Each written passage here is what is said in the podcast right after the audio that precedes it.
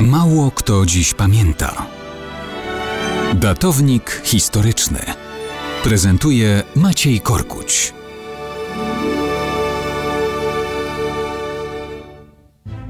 Mało kto dziś pamięta o bitwie pod Civitate w Apulii, jaka miała miejsce 18 czerwca 1053 roku.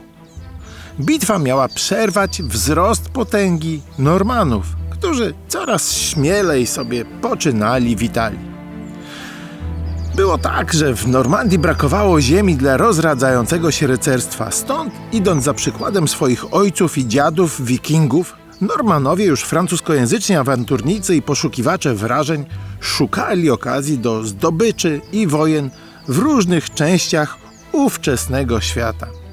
W 1040 roku jeden z nich, Tancred de Hauteville, założył swoje księstwo na ziemiach zdobytej przez niego italskiej Apulii.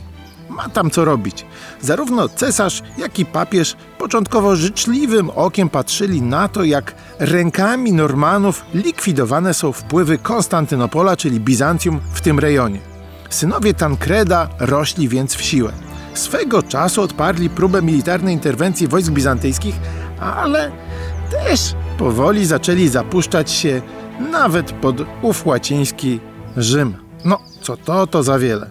Papież Leon IX był zgodny z cesarzem Henrykiem III, że w takich okolicznościach trzeba Normanów ukrócić. Papież formuje armię do obrony państwa kościelnego. Cesarz przysyła mu wsparcie, więc siły papiestwa składają się z Niemców i Włochów. Papież ogłasza to świętą wojną.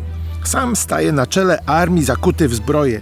Tym razem nawet Bizancjum obiecuje mu wsparcie. Papież rusza pod miejscowość Civitate w Apulii. Czeka tam na wojska bizantyjskie.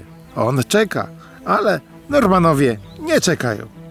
Synowie Tancreda znają doskonale wojenne rzemiosło. Uderzają więc z zaskoczenia i rozbijają armię papieża w drobny mak. Sam Leon IX trafia do upokarzającej niewoli.